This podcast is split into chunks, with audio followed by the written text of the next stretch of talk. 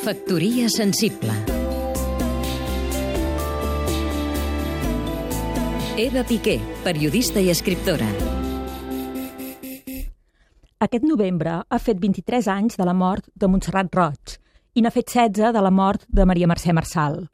L'una i l'altra van morir per culpa d'un càncer quan tenien 45 anys.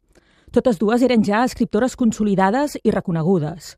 La Roig havia escrit novel·les com El temps de les cireres, que va rebre el Premi Sant Jordi 1976, i llibres documentals com Els catalans als camps nazis, que va rebre el Premi de la Crítica Serra d'Or del 78. Havia guanyat també el Premi Nacional de Literatura Catalana per l'obra L'agulla daurada, sobre el setge de Leningrad durant la Segona Guerra Mundial. Fins i tot va tenir temps de publicar una poètica personal a tall de testament literari, un llibre que va titular Digues que m'estimes encara que sigui mentida.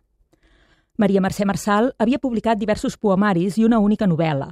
Creia que en poesia ja havia tocat un sostre, però es moria de ganes de seguir escrivint. Tenia més novel·les al cap i alhora sentia la necessitat de tornar als versos.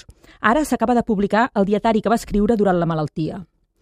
La mort prematura de les dues escriptores va ser una desgràcia immensa per elles, per descomptat, però també per la literatura catalana. Només tenien 45 anys.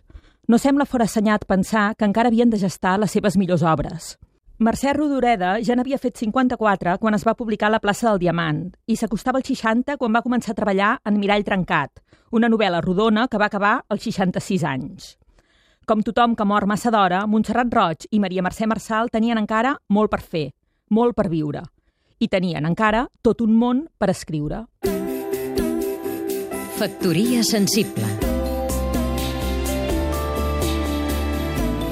Seguim-nos també a catradio.cat.